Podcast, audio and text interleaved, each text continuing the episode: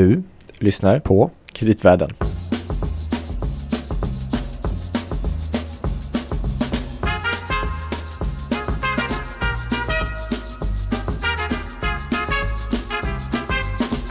Ja du Louie, Ja, det är Gabriel. det var inte så länge sedan. Nej, För oss. Men vi fick mycket att fundera på. Mm.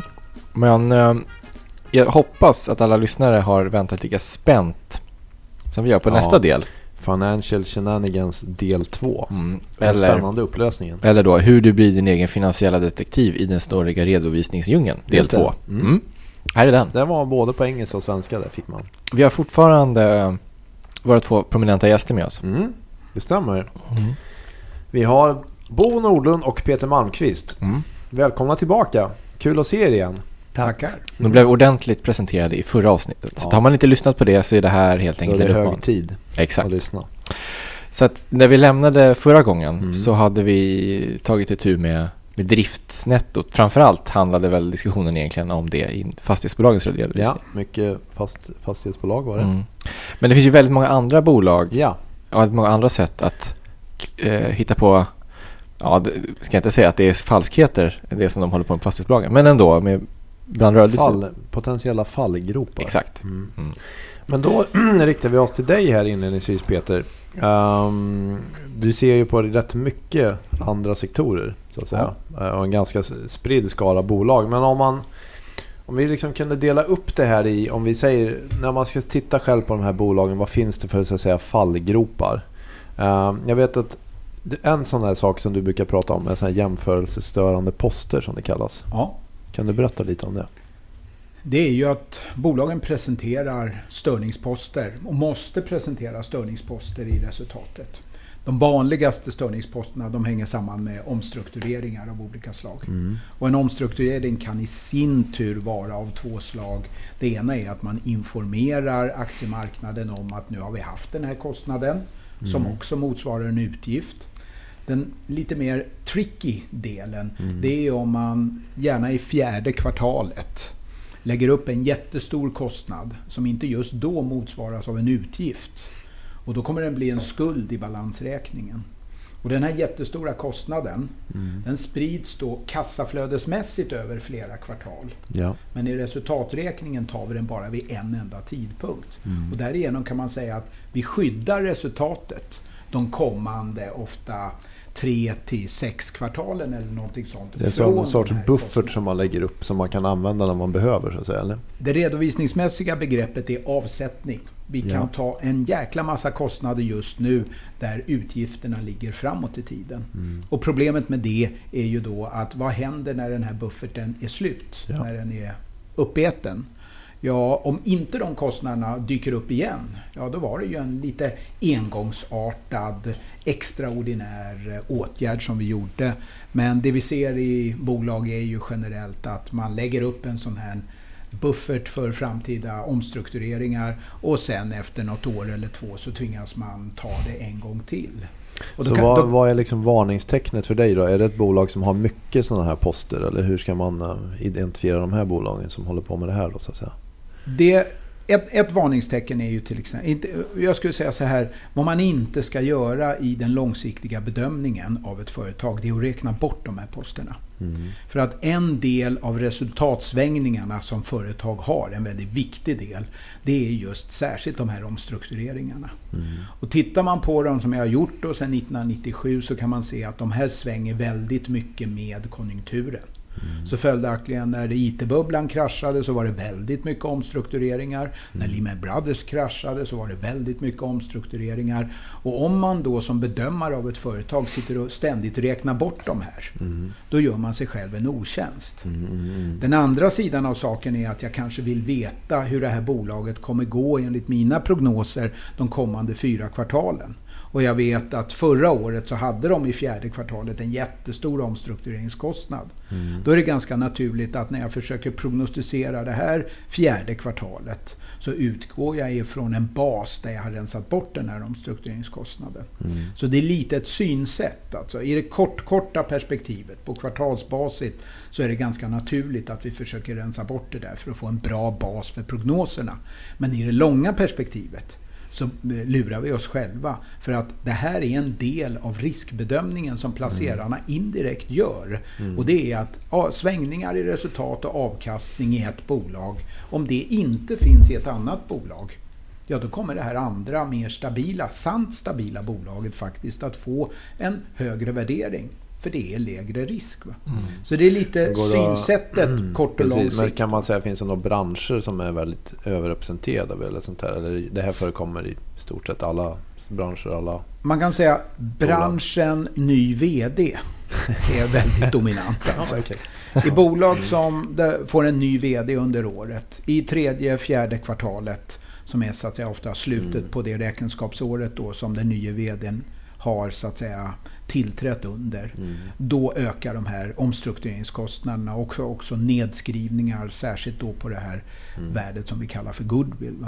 Mm. Så i samband med VD, nya VDR så är det nästan regelmässigt så att man får stora sådana här störningsposter. Mm. Då kan man ju säga som så här, ja, vad, vad, ändå, vad är problemet? Är det att företagen inte redovisar dem eller försöker de dölja det? Nej, egentligen är problemet mer hos oss själva som bedömare. Mm. Att vi har en tendens att räkna bort de här. Mm.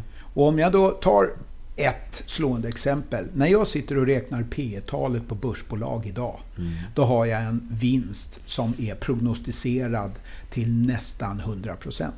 För det är så vi resonerar kring bolag. Men vinstprognoser fångar aldrig upp såna här störningsposter. Och det innebär alltså att om jag går, ner, eh, går tillbaka och tittar på den historiska trenden för såna här störningsposter, där alltså hälften är omstruktureringar. Alltså, Mm. Så kan jag konstatera att i genomsnitt på en årsvinst Mm. så har vi ungefär 10-12% omstruktureringskostnader.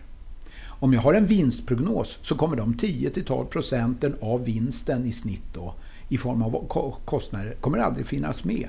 Mm. Så jag kan säga att 2018 års prognoser kommer vara fel med troligtvis 10% i förhållande till det faktiska utfallet när jag summerar Just det. 2018 års så att säga, resultat i så början av mycket som 2019. Det är så 10-12 pass procent. mycket. Alltså. Ja. Ja, Vilket är intressant i förhållande till vad vi pratade om i början av första avsnittet. Vad som är det genomsnittliga P-talet nu och i förhållande Ja. till någon slags historiskt. Så egentligen är det kanske ännu lite högre. Det, det P tal som jag refererade till som ligger idag Mm. mellan 17 och 18. Det är då om jag skulle lägga in prognostiserade genomsnittliga störningsposter. Mm. Mhm. Ungefär en P-talsenhet högre alltså. Mm. Sen kan man säga, vad spelar det för roll? Jag, jag har ju med mig det där felet i min historiska databas också. Så mäter jag ett lite felaktigt P tal med en historik av lite felaktiga P tal så mäter jag ju ändå så att säga samma fel hela tiden. Men man, man, det, den viktigaste lärdomen som jag har dragit det är att analytiker accepterar ofta en sån här störningspost ett kvartal eller ett enskilt år. Om samma VD kommer med liknande omstruktureringar, nedskrivningar en gång till ganska nära inpå. Då börjar aktiemarknaden och placerarna säga att okej, det här var inte den här nya VDn som kunde gå på vatten och fixa alla problem med ett jättelikt Mm. Alexanderhugg. Nu kommer de här vanliga strulposterna igen. Varpå man i sina modeller drar ner sina långsiktiga antaganden, till exempel om rörelsemarginal, för att man inser att jag var nog, ja, jag gav den här VDn lite för mycket klapp Ja, på axeln. Mm. Eh, han är som alla andra. Han kommer med nya sådana här poster vad det lider. Men Mm. det kommer inte varje kvartal, inte ens varje år, utan kanske vartannat, vart tredje eller vart fjärde år. Och man, man tar höjd för det där. Mm. och det sker då andra gången samma VD kommer med ett sånt här Alexanderhugg och verkligen ska visa att nu jäklar, nu ska vi verkligen få rätsida på marginaler Mm. och lönsamhet. Va? Men apropå det här lite med förhoppningar då som du pratade om. Eh, en annan sån här post eh, är ju goodwill. Och eh, uh, då kan man diskutera det här med goodwill och nedskrivning. Man kan säga att det har ingen kassaflödespåverkan. Men som en indikator är det kanske ändå, eh, finns det anledning att se på den som också någon sorts, inte varningssignal, men att man, om man ser att ett bolag har mycket goodwill, ska man liksom tänka till lite extra då eller? Det finns två sätt tycker jag att se på det här. Eh, Det ena är att den här goodwillen har vi ju betalt för en gång i tiden. Om man har gjort ett Så att- förvärv. Ja, och man har gjort ett förvärv. Vi har ett kassautflöde. Ja. Och i börsbolag av någorlunda dignitet och med eh, förvärvsorienterad strategi, och då pratar jag om ungefär 80% av alla börsbolag, Mm. så är ju de här investeringarna i förvärv, det är ofta fem gånger så stora eller tre gånger så stora som de vanliga investeringar i maskiner, inventarier och så vidare. Mm. Vad vi som analytiker gör då, det är att när vi gör framtidsprognoser några år framåt i tiden, så säger vi att det gör vi på organisk bas. Mm. Det vill säga utan att ta hänsyn till att det här bolaget faktiskt har en strategi som kommer göra att de förvärvar. Men det är så svårt och det är egentligen Eh, mer riskfyllt att göra på det sättet. Så vi prognostiserar den här utvecklingen utan att ta med förvärv. Sen gör bolaget ett förvärv. Ja, då sitter vi där med en prognos som vi egentligen inte kan jämföra med den utfall som bolaget presterar. Och samtidigt i våra kassaflödesmodeller har vi inte tagit med någon utgift för det här förvärvet utan då bara räknar vi om alltihopa. Mm. Och om det då kommer en nedskrivning på det här förvärvet i form av en nedskrivning på goodwill så är det ju lätt att säga för den som då aldrig har prognostiserat det här förvärvet att det har ingen kassaflödesmässig påverkan. Men om man tar, det finns ett 40-tal bolag med mycket stora goodwillposter på Stockholmsbörsen. De gör ju kontinuerliga förvärv. Det är 10-15 förvärv, de säljer fyra och så vidare. Goodwillposten åker hela tiden upp. Ja. Där ligger kassaflödet. Mm. Problemet är att vi sitter och prognostiserar verksamheten som om de inte gjorde några förvärv och därigenom så behöver vi inte ta med det kassaflödet. Det. Det är den ena sidan Mm, av saken. Det finns alltså ett kassaflöde för det här goodwillposten. Frågan är om vi vill ta med det i våra Ja, framtidsbedömningar Mm. eller ej. Mm. Så När- lite, då ska man vara... Man ska titta lite extra då kanske. fall Själva nedskrivningen är ju rätt. Den skapar varken något inflöde eller utflöde. Mm. Nej, Eh, Men goodwillposten som sådan har vi betalt för. Mm. Och om det är någonting som företagen betalar cash Mm. så är det företagsförvärv. Man lånar till i genomsnitt 90-95% av hela förvärvet. Mm. Och med dagens räntor är det lätt att förstå. Kan man låna som ett medelstort företag till kanske 3% och så köpa ett bolag till 20-25 gånger årsvinsten Mm. så kommer man ha fått in en avkastning på köpeskillingen på 4-5% vilket är högre än den ränta man får som kostnad och följaktligen så får man en vinstökning räknad per aktie. Mm. Så att det är väldigt cash-orienterade förvärv. Mm. Och det skapar då problem av det slag som vi såg 2008. Och det är min andra varningssignal som har att göra med storleken på goodwillposten. Mm. För 2008 så kunde jag då notera att de här 40-50-talet bolag Mm. som har väldigt höga goodwillposter och utpräglade förvärvsstrategier. Jag kunde dela in dem i ungefär två grupper. Mm. Bolag med stora goodwillposter och fallande resultat Ja. hade väldigt dålig kursutveckling. Mm. Bolag med stora goodwillposter men där resultatet tickade på vidare uppåt eller i sidled i alla fall. Typ Swedish Match. Ja. Ja, de eh, hade kursfall för det var ju kaos hösten 2008. Men de hade betydligt lägre kursfall än börsen totalt sett. Mm. Så man kan inte Men automatiskt den säga... här fallande gruppen, vad berodde det på då så att säga? Att de... Så, som alla, alla eh, journalister så försöker jag ha en liten cliffhanger. Så jag Mhm. behandlar den här Jag ser tre problemfria gruppen först. Har du stabilt resultat så är det viktigare Ja. än om du har en stor goodwillpost. Men har du en stor goodwillpost och fallande resultat, då inträffar följande.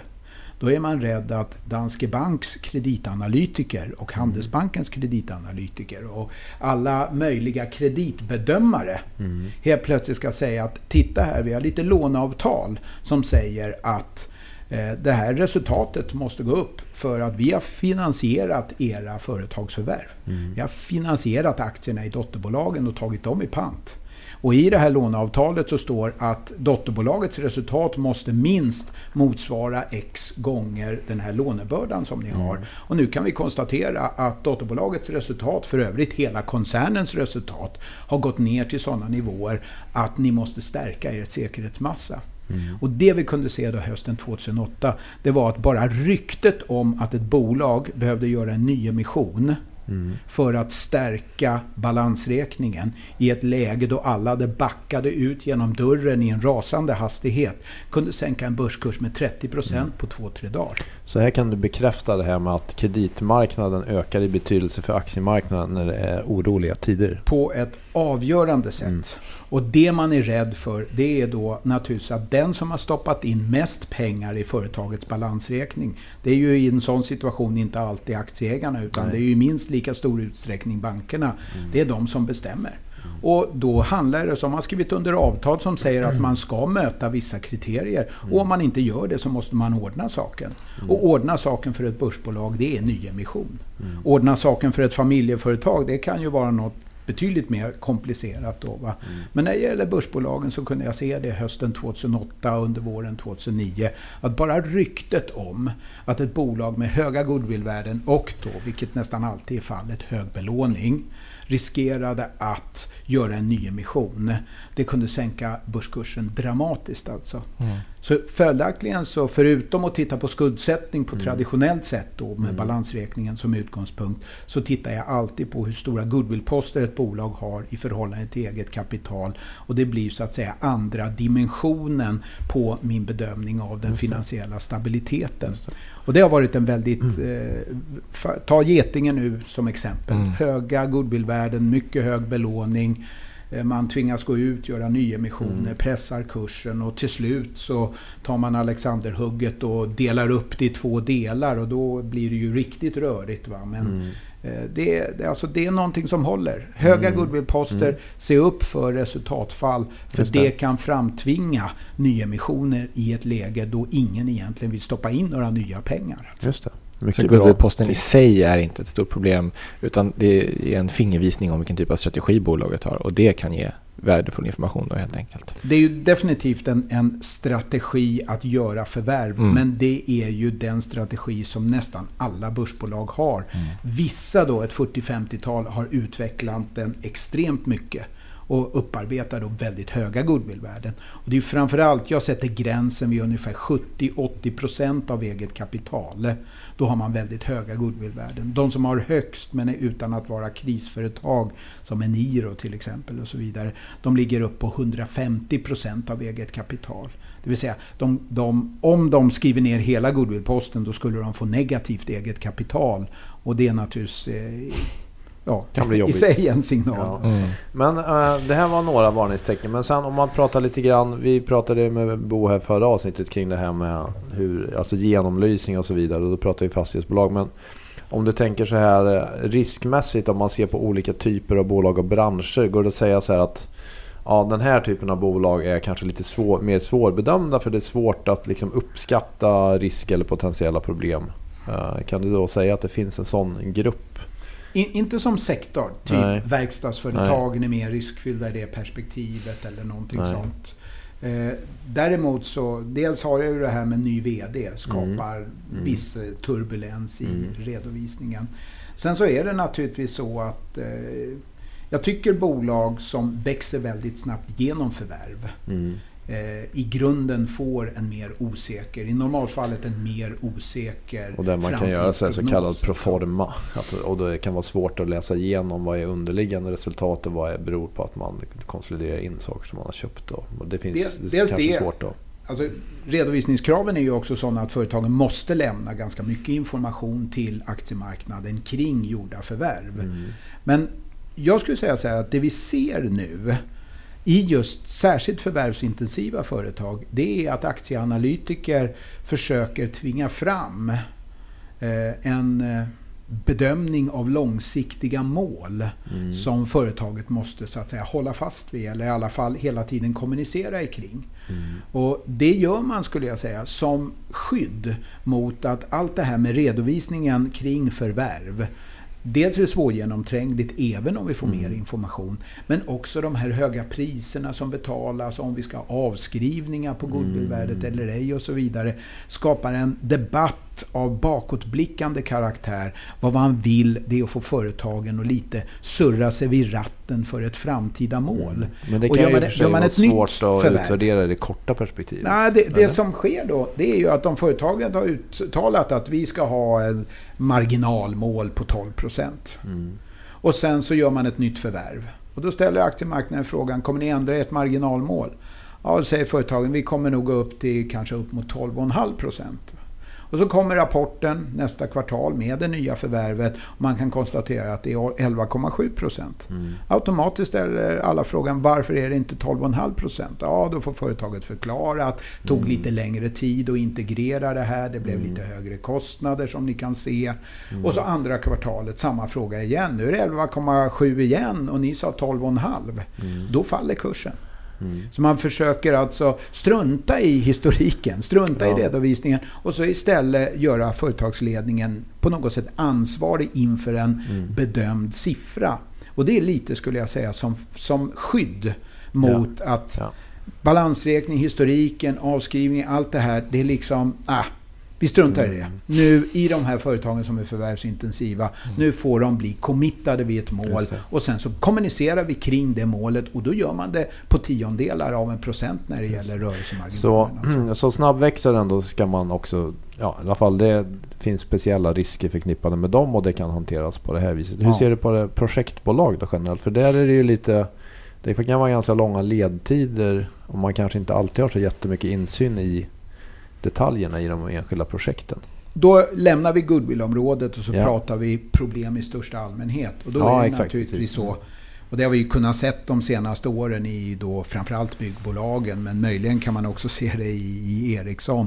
Att om det är lång tid mellan det att jag säger, så att säga, sätter spaden i jorden Ja. till dess att jag får sista kronan på projektet. Mm. Om det tar två, tre år, Mm. då ökar riskerna för mig som bedömare. Mm. Och det beror på att vi vill ju med hjälp av vissa redovisningsmetoder få grepp om utvecklingen av de här projekten innan de är slutredovisade. Mm. Och alla sådana projektredovisningar innebär bedömningar.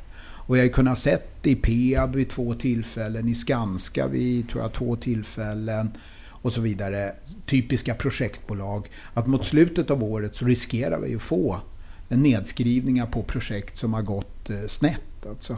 Mm. Och det gör ju naturligtvis att i den typen av bolag, men det, jag kan lyfta fram ABB, jag kan lyfta fram Ericsson, så jag vill inte Nej, nej. specifikt Nej. peka ut byggbolag, utan bolag Projekt som har långsiktiga Mm. projekt. Ja. De innebär extra risker. Mycket av det slaget att det är svårt att mäta den kortsiktiga utvecklingen på ett trovärdigt sätt. Mm. Det är inte svårt bara för analytiker. Det är lika svårt för företagsledningen och för styrelse att hänga med. Va? Men det finns, finns det olika sätt att redovisa eh, om man har ett långt projekt som hur, hur intäkterna till exempel ska redovisas? Det här är ju Bos eh, specialområde. Så percentage det of completion-metoden. Ja. jag gärna över. Ja, nej men eh, tittar vi. Peter pratar på några års ledtider. Det som är typiskt för fastighetsbranschen är ju att eh, det kan ju vara 5-10 års ledtid från det att man Mm. förvärvar mark som man kanske ska utveckla byggrätt, planer och designa projekt och Mm. bestämma sig för upplåtelseformer och det ena med det andra. Det, det, Mm. det kan vara liksom bortemot 10 år kan det ju vara i ledtid från det att man förvärvar marken tills det är nyckelfärdigt. Och det är ju Men är ganska vi inne då ordentligt. igen på det här med en black box så alltså finns det utrymme för bolagen att ha en ganska stor variation på hur man värderar då, till exempel byggrätter eller potentiella byggrätter. Att, eh, eh, det finns kanske någon praxis men att det kan, man kan avvika från den också. Ja, alltså det, den rena fina metoden är ju ortsprisvärdering. det vill säga man tittar på liknande byggrätt med liknande exploateringsgrad och så vidare. Och Mm. vad, vad har de sålts för eh, på marknaden. Mm. Men eh, det här med markprisobservationer är ju kanske inte någonting som står som spön i backen direkt. Utan det är ju, man får ju komplettera den typen av observationer med exploateringskalkyler och lite annat för att räkna vad, vad är det färdigt, värt i färdigt skick och vad Mm. kostar det så att säga på vägen dit. Mm. Och finns det för marginal då på det Mm. där. Och det är det. klart, allt är ju givet vad vi vet om marknaden idag. Men det är också någonting, de här antagandena ser man väl inte egentligen så mycket som, återigen om man ska analysera de här bolagen så ser man kanske bara någon siffra. Eh, kanske vi, man vet väl sällan vad det ligger för ba- bakomliggande antaganden så att säga. Så det är svårt att ha en uppfattning om bolaget är liksom, oj, det är för optimistiskt eller inte. Det kan vara svårt att se kanske. Ja, i årsredovisningar är det nog väldigt svårt att se, Mm. skulle jag säga. Mm. Ja, man kan tänka sig att det kan komma ganska mycket intäkter i ett projekt som man inte får kassaflöden för. Mm. Alltså, det, det man ju har i byggbolagen är ju också då, förutom det som Bo tar upp, Mm. det är ju att från det man sätter spaden i jorden Mm. och verkligen påbörjar projektet och börjar förbruka resurser, Mm. betala byggarbetare och hyra in kranar och gud vet allt som behövs för att bygga en kåk. Då, va? Så är vi ju inte nöjda med att vänta i två och ett halvt år Mm. innan vi får se intäkterna för det där. Utan då finns det en, du nämnde den tidigare på engelska, men på svenska kallar vi den för successiv vinstavräkning. Ja. Där vi då försöker, att fall, i alla fall ur ett aktiemarknadsperspektiv, dela upp projektet kvartalsvis. Mm. Och så försöka schablonmässigt, men ändå genomtänkt, eh, hänföra intäkter som vi ännu inte har realiserat i pengar Mm. mot kostnader som har uppstått för ett visst projekt. Mm. Och det kan naturligtvis vem som helst förstå att ska det där ske över en två, tre årsperiod som är ganska normalt i ett byggande av ett bostadshus till exempel. Mm. Så innebär ju det rätt mycket schabloner. Mm. Hur ska vi fördela de där intäkterna? Är det i förhållande till nedlagda timmar eller maskintimmar? Eller vad är fördelningsnyckeln? Mm. Och om nu beställaren här börjar snacka om att han ska ha annan fasad eller flytta lite på det och det. Mm. Eh, Ligger det i projektet eller ligger det utanför? Är det något vi kan ta betalt för extra? Mm. Eller om det nu inte tog två och ett halvt år, det tog tre och ett halvt år att bygga för att någonting inträffade. När ska den fördyringen komma in i den här schablonmetoden? Mm. Alltså, detta är eh, en riktig black box som alla försöker sticka in en ficklampa i. Och vi lyser och lyser, men ändå i vissa fall. Så nej, det gick inte att komma bättre rätt än att, eh, som i Peab med Tele2 Arena, fick en nedskrivning på 400 miljoner kronor i fjärde kvartalet. Mm. Eller samma bolag med Mall of Scandinavia fick på, tror jag det var 700 miljoner kronor nedskrivning. Skanska skrev ner ett byggprojekt i USA, eller ett antal. Mm. Det var flera miljarder, jag har faktiskt tappat eh, det Mm. exakta beloppet och så vidare. Det är projektbolagens stora dilemma. Mm. Att det är svårt att bryta ner ett långsiktigt projekt Mm. så att det blir trovärdigt redovisat. Och det är inte Ja. bara ett aktiemarknadsproblem, det är ett internt styrproblem i, Mm. i samma utsträckning. Mm. Och Mm. Exakt hur man ska göra för att komma åt det, det, det vet Ja, det jag inte. Men det är en svårt. Det kanske ligger kompletterande i sakens natur att det blir så alltså. som du säger. det är affärsmodellen. Ja. Och i en bra marknad så kan bolagen som bygger ta extra betalt för att parera för det Mm. där. Kan man säga, ja men det blev bra till slut efter två och ett halvt år. Ja, fast jag stod ju och tittade på någonting som var ännu bättre i ett och ett halvt år. Mm. Så det liksom finns den här periodiseringen av pro Mm. projektets vinst som kanske då blir lite för hög i sex kvartal. Och sen så blir den lite för låg då i de sista Mm. fyra. Men det har ju räckt för att lura mig att köpa aktien i den där första fasen och så vidare. Ja. Men det, det, Ericsson är ett likadant exempel. De har ju också projekt, ett, ett och ett halvt, tvååriga projekt när de ska installera sina system. ABB med sina kraftanläggningar. Alltså, Mm. Tar det lång tid från det att vi har satt spaden i jorden första gången tills det att vi får sista kronan, då har vi ett problem. Det reagerar aktiemarknaden på att man ofta har ganska låga värderingar på den typen av bolag. Alltså, Mm, alltså just det. låg, Mm. låga P tal Mm. Överhuvudtaget kan man väl säga Peter att intäktsredovisning är oerhört svårt. Eller hur? Det, det finns ing, vi som är redovisningsintresserade kan säga att det finns inget som är lätt. Så ni ska anlita oss alltså för att tolka siffrorna. Här behöver ni riktig experthjälp. Ja. Ja. Mm. Ja. Gabriel och jag, vi har fått bra experthjälp eh, idag i alla fall. Mm, verkligen. Mm.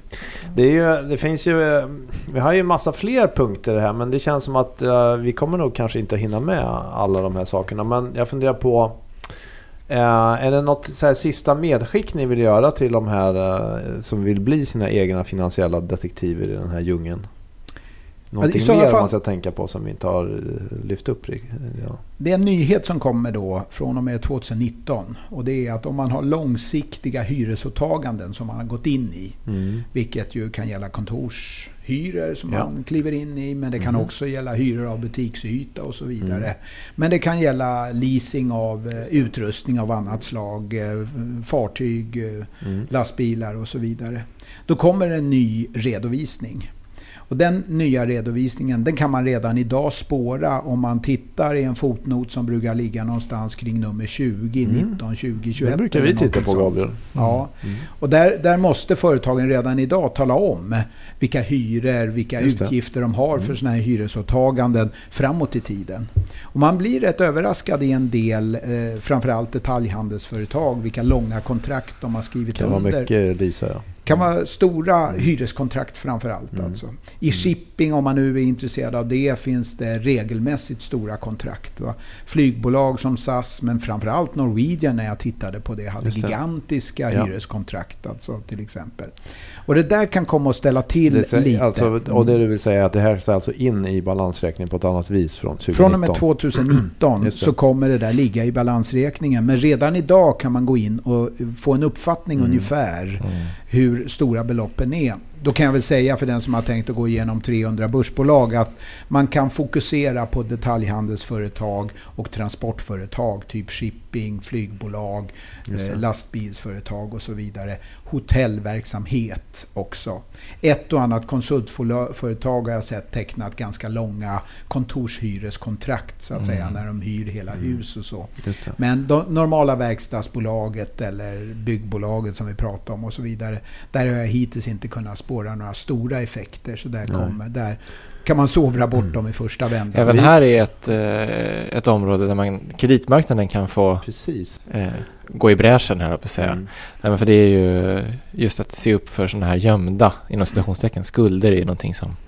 Jag En sån skulle, klassiker på kreditmarknaden som vi har förundrats över tidigare att vi tycker, inte ofta, eller vi tycker ofta att man missar det på aktiesidan. Mm. De här leasejusteringarna som vi då jag, alltid skulle, lägger tillbaka eller har lagt tillbaka. jag skulle vilja flika in en sak som Mm. en följd av det Peter tar upp. Alltså för vad Peter säger är att man från 2019 om man följer IFRS så tar man bort distinktionen mellan finansiell och operationell lease. Så är man Mm. hyrestagare eller leasetagare så ska leasen kapitaliseras som skuld och tillgång. Mm. Och det där är någonting som har varit mycket diskuterat på senare tid just för fastighetsbolagen. Det är ju att fastighetsbolagen är ju faktiskt leasetagare när det gäller tomträttsmark. Just det. Och den frågan utreds för närvarande. Men mitt tips är att eh, tomträtten till sin karaktär är sådan att bolagen sannolikt kommer att få kapitalisera hela marknadsvärdet av marken som tillgång och skuld. Mm. Och har de då mycket värdefull tomträttsmark i storstäderna så kan det ju påverka till exempel loan to value eh, måttet till exempel. Mm. Mhm. Det blir de mer kommer skuld. få en högre leverage. Ja, Mhm. nu, nu säger jag att sista ordet är inte sagt Nej, men nej. mitt, mitt tips, mitt stalltips är att Ett blir... potentiellt orosmoln kommer upp här på den Mm, annars så ljusblå fastighetshimlen. mm. Vad härligt. Även i detta avsnitt fick vi alltså med lite Ja. orosmoln på fastighetshimlen. Ja. ja, där fick vi ytterligare några saker att fundera på. Mm. Nu måste vi, Gabriel, gå tillbaka och leta efter de här bolagen som Bo har indikerat här, vilka det kan vara. Mm. mycket det här kan bli. Ja, fantastiskt bra och uh, tänkvärda saker. Mm. Det finns ju många fler sätt att trixa med sina resultat och balansräkningar och Mm. så att ni får, eh, vi får be alla att eh, ja, det finns ju en del att läsa. Det finns ju boken Financial Shenanigans. Mm, annat. Eh, och så får man helt enkelt bara läsa, öva på att läsa lite årsredovisningar och fundera vad kan det här betyda? Och ni som har chansen, ställ frågor till bolagen också. Mm. Eller till oss. Då kan ni skicka mejl, brev att kreditvarden.se eller på Twitter till exempel. Mm. Mm. Stort tack Bo och Peter Tack. för er medverkan. Tack. Och vi hörs igen Louis. Det gör vi. Mm. Tack för idag. Hej hej! Hej!